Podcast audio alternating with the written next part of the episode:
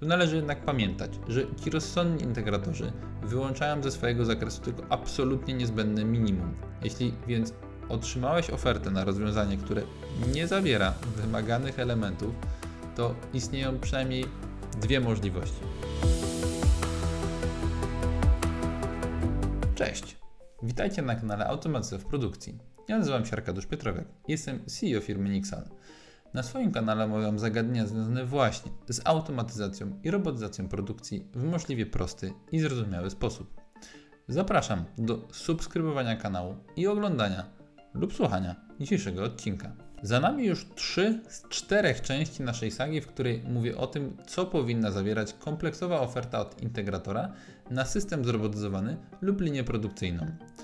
Z ostatniego odcinka mogliście się dowiedzieć między innymi po pierwsze, jak zjeść słonia, czyli dlaczego nie zawsze warto rzucać się od razu do podpisywania umowy na cały zakres realizacji.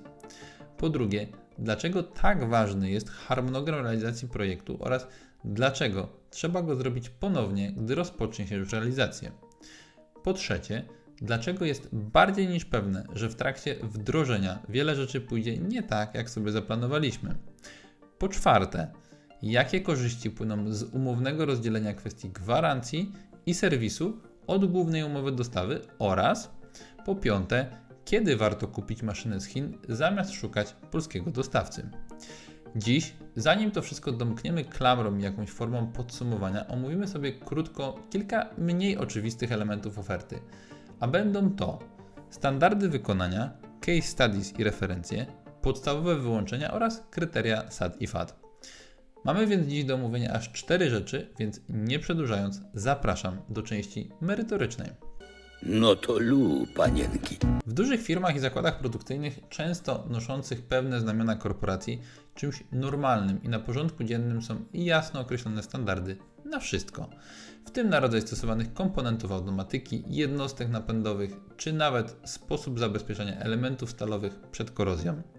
Posiadanie takich standardów, zakładając oczywiście, że ujawnia się potencjalnemu dostawcy na etapie ofertowania, jest ogromnym ułatwieniem dla integratora w procesie kalkulacji rozwiązania. Jednocześnie też znacząco utrudnia nieuczciwą konkurencję na polu jakości wykonania pomiędzy dostawcami. Nie wszystko jednak da się w takim standardzie zawrzeć. Czasami ma on też formę całkowicie zwyczajową lub ustną i jest przekazywany bezpośrednio każdemu zainteresowanemu. Z kolei w firmach z grupy MŚP najczęściej takiego standardu w ogóle nie ma, bo nie było kiedy go stworzyć. Dlatego należy założyć, że absolutnym minimum w zakresie dobrych praktyk jest załączenie do oferty prostej tabelki precyzującej producenta i typ komponentów stosowanych przy budowie rozwiązania. Proste, ale jednocześnie ultra przejrzyste rozwiązanie. Zawsze, jeśli kogokolwiek będzie interesowało coś, co nie zostało w takiej tabelce zawarte, można ją uzupełnić lub rozszerzyć. Jeśli jednak w zakresie standardów wykonania chcielibyśmy wszystko uszczegółowić tak na bogato, to raczej nie robi się już tego w ramach standardowej oferty, a bardziej w wyniku projektów audytowo-koncepcyjnych. Wtedy standardy można uzupełnić o takie elementy jak na przykład po pierwsze specyfikacje techniczne, czyli dokładne wymagania dotyczące użytych materiałów, komponentów, urządzeń oraz oprogramowania. W tym też wymagania dotyczące tolerancji technicznych, wydajności, niezawodności i trwałości komponentów systemu. Po drugie, normy jakości, czyli określenie standardów jakościowych, do których muszą być dostosowane wszystkie elementy systemu, np. ISO 9001 dla systemów zarządzania jakością. W tym też wymagania dotyczące kontroli jakości w trakcie produkcji i montażu. Po trzecie, bezpieczeństwo i ergonomia. To jest normy bezpieczeństwa pracy, z którymi musi być zgodny system, np. dyrektywa maszynowa Unii Europejskiej oczywiście, oraz wymagania dotyczące ergonomii stanowisk pracy i bezpieczeństwa użytkowników. Tu warto wspomnieć, że niby przepisy są jednakowe dla wszystkich, ale oczekiwania działów BHP na tym polu potrafią się drastycznie różnić.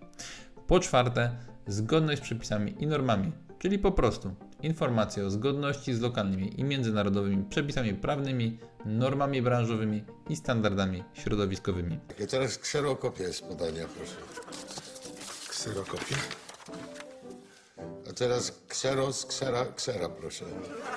Kseros, kseras, ksera. Podsumowując więc krótko, standardy wykonania są fundamentem, na którym opiera się zaufanie pomiędzy dostawcą a klientem, zapewniając, że finalny produkt będzie zgodny z oczekiwaniami i potrzebami zamawiającego. Poprawiają one transparentność całego procesu decyzyjnego, są podstawą do weryfikacji oraz akceptacji ofert, a jednocześnie zmniejszają ryzyko obu stron potencjalnej transakcji. Idźmy więc dalej. Case studies i referencje. Funkcje, jakie pełnią one w ofercie, to m.in. budowanie wiarygodności. Demonstrują one doświadczenie i ekspertyzę dostawcy, budując jego wiarygodność i zaufanie u potencjalnych klientów. Po drugie, stanowią dowód kompetencji. Pokazują, że dostawca ma praktyczne doświadczenie w realizacji podobnych projektów, co może być gwarantem sukcesu przyszłych wdrożeń. Tu również mała dygresja. Warto na te kompetencje spojrzeć nieco szerzej. Jeśli potencjalny dostawca realizuje bardzo innowacyjne projekty w różnych branżach, to prawdopodobnie jego zdolność do szybkiej adaptacji rozwiązań i ogólna kreatywność jest właśnie jego kompetencją. Inaczej już by go nie było na rynku. Jeśli więc dostawca ma w portfolio szereg bardzo zróżnicowanych, ale udanych projektów z wielu różnych branż, to odrzucenie go tylko dlatego, że nie ma doświadczenia tylko w tej jednej branży, która aktualnie nas interesuje, nie do końca jest właściwym postępowaniem. Może być, ale rzadko kiedy jest. Ten dostawca prawdopodobnie nie miał żadnego doświadczenia w żadnej z branż, w których realizował wcześniejsze projekty, a jednak sobie poradził. Warto więc dać mu szansę. Nie mówimy tu jednak o sytuacji, gdy to doświadczenie z innej branży ogranicza się tylko do jednej, maksymalnie dwóch innych branż, w których potencjalny dostawca realizował bardzo powtarzalne projekty. To zupełnie inna sytuacja. Idźmy dalej. Kolejna funkcja, jaką pełnią case studies i re referencje, to stanowią źródło inspiracji. Trochę w nawiązaniu do tej dygresji, o której mówiłem przed chwilą, przykłady wcześniejszych realizacji mogą służyć jako źródło inspiracji dla klientów, wskazując na możliwe rozwiązania ich własnych problemów biznesowych, na które nie wpadli wcześniej sami i nikt inny ich nie zaproponował. Po czwarte, to ułatwienie decyzji. Oczywistym jest, że referencje w formie przykładów skutecznych wdrożeń automatyzacji pomagają potencjalnym klientom w podjęciu decyzji o wyborze dostawcy, dostarczając konkretne przykłady sukcesów i rozwiązań problemów. I po piąte, wzmocnienie propozycji wartości. Case study i referencje podkreślają wartość, jaką dostawca może dostarczyć, prezentując realne korzyści biznesowe wynikające z wdrożenia oferowanych rozwiązań. Mogą też ukazywać standard projektowania i wykonywania rozwiązań prezentowane przez potencjalnego dostawcę. Trzeba przyznać, panie kolego, że robota idzie z gazem. Tak, dobrze idzie robota, dobrze. Case study i referencje są więc istotnym elementem oferty, który nie tylko podkreśla doświadczenie i umiejętności dostawcy, ale również stanowi konkretny dowód na skuteczność proponowanych rozwiązań, przekonując klientów do wyboru danej firmy jako partnera w realizacji projektu. Idźmy zatem do kolejnego punktu oferty, o którym wspomniałem na początku, czyli potencjalnych wyłączeń z zakresu oferty. I tu znowu, jakie funkcje pełnią takie wyłączenia i dlaczego koniecznie powinny one znaleźć się w ofercie. Po pierwsze, to definiowanie granic projektu. Wyraźnie określają, co jest wyłączone z oferty, pomagają uniknąć nieporozumień i fałszywych oczekiwań ze strony klienta. Dzięki temu obie strony mają jasność co do zakresu prac i odpowiedzialności. Po drugie, wyłączenia zapobiegają rozszerzeniu zakresu prac, czyli tzw. scope creep, które to z kolei może prowadzić do dodatkowych kosztów i opóźnień. Klient i dostawca mają wyraźnie określone, za co odpowiadają i co zostanie zrealizowane, a co nie. Po trzecie, ochrona przed nieoczekiwanymi zobowiązaniami. Dostawca przez wyłączenia z zakresu chroni się przed nieoczekiwanymi zobowiązaniami finansowymi lub operacyjnymi, jasno określając, za które aspekty projektu nie ponosi odpowiedzialności. Po czwarte, to umożliwienie realistycznej wyceny. Poprzez wykluczenie pewnych elementów z oferty, dostawca może dokładnie oszacować koszty i czas realizacji projektu, co przekłada się na bardziej konkurencyjne i realistyczne oferty. Po piąte, to podstawa do negocjacji. Elementy wyłączone z oferty mogą stanowić punkt wyjścia do negocjacji z klientem, jeśli ten wyrazi chęć rozszerzenia zakresu projektu o dodatkowe usługi lub produkty. Tu należy jednak pamiętać, że ci rozsądni integratorzy wyłączają ze swojego zakresu tylko absolutnie niezbędne minimum, czyli te obszary, które znajdują się poza ich normalnym zbiorem kompetencji, takie jak na przykład praca ze średnim lub wysokim napięciem, prace budowlane czy rozbiórkowe. Próba dorzucenia tego zadania integratorowi będzie się wiązała oczywiście ze zdjęciem odpowiedzialności z głównego inwestora, tudzież nabywcy, ale jednocześnie należy też mieć świadomość, że koszt tych prac zostanie powiększony o marże i koszty zarządzania po stronie integratora. Choć czasem i to może się opłacać. Po szóste, zapewnienie przejrzystości. Wyłączenia dostarczają klientowi pełnego obrazu oferty, umożliwiając mu dokonanie świadomej decyzji na podstawie kompletnej informacji o tym, co jest zawarte w projekcie, a co nie. Nie robię w awangardzie.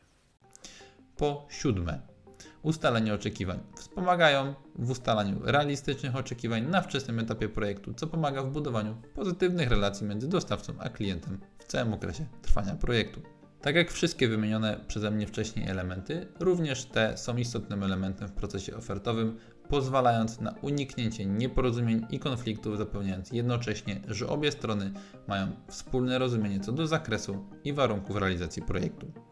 I tu płynnie przechodzimy do ostatniego wymienionego przeze mnie punktu oferty, czyli kryteriów FAT i SAT. Kryteria odbiorów FAT, czyli Factory Acceptance Test i SAT, Site Acceptance Test, pełnią kluczową rolę w procesie realizacji projektów, szczególnie tych związanych z zaawansowanymi technologicznie systemami, takimi jak zrobotyzowane linie produkcyjne. Obejmują one zbiór testów, procedur i standardów, które muszą być spełnione, aby system mógł zostać formalnie zaakceptowany przez klienta. I czym w ogóle jest ten FAT i SAT? FAT, czyli Factory Acceptance Test. FAT ma na celu zweryfikowanie, czy system lub komponent spełnia wszystkie ustalone specyfikacje techniczne i funkcjonalne przed wysyłką go do miejsca instalacji u klienta. the Mobile Omnidirectional Neutralization and Termination Eradicator, or Monty. Testy te są przeprowadzone w obiektach właśnie producenta. Zakres, jaki obejmuje FAT, to m.in. kompletna weryfikacja funkcjonalności systemu, w tym testy wydajności, bezpieczeństwa i zgodności z dokumentacją techniczną. Po drugie, sprawdzenie zgodności z wymaganiami technicznymi i specyfikacjami zawartymi w umowie. Po trzecie, testy interfejsów i integracji z innymi systemami, jeśli oczywiście tego taki system dotyczy. SAT, czyli Site Acceptance Test. SAT przeprowadzany jest po zainstalowaniu systemu w miejscu docelowym, aby upewnić się, że działa on zgodnie z oczekiwaniami w rzeczywistych warunkach operacyjnych. Testy te służą ostatecznej weryfikacji i akceptacji systemu przez klienta. Zakres, jaki obejmuje SAT, to również m.in. testowanie działania systemu w środowisku, w którym będzie on używany, w tym testy pod obciążeniem i w różnych scenariuszach operacyjnych. Po drugie, sprawdzenie, czy instalacja i konfiguracja systemu zostały wykonane prawidłowo. Po trzecie, to weryfikacja zgodności systemu z lokalnymi normami i przepisami. Ogólna funkcja FAT i SAT nie ogranicza się jedynie do oferty, a jej właściwe miejsce jest w umowie na zakup lub dostawę. Dobrze zdefiniowane kryteria FAT i SAT już na etapie ofertowym gwarantują, że dostarczony system spełnia wszystkie ustalone wymagania i jest gotowy do użytku oraz pomagają zminimalizować ryzyko problemów operacyjnych, zapewniając, że ewentualne wady zostaną wykryte i naprawione przed finalnym odbiorem. Inną z kolei funkcją jest to, że stanowią formalną podstawę do akceptacji projektu przez klienta, co jest kluczowe dla finalnego procesu sprzedaży i rozliczeń. Przyczyniają się też do budowania zaufania między dostawcą a klientem poprzez transparentność całego procesu, weryfikacji i akceptacji.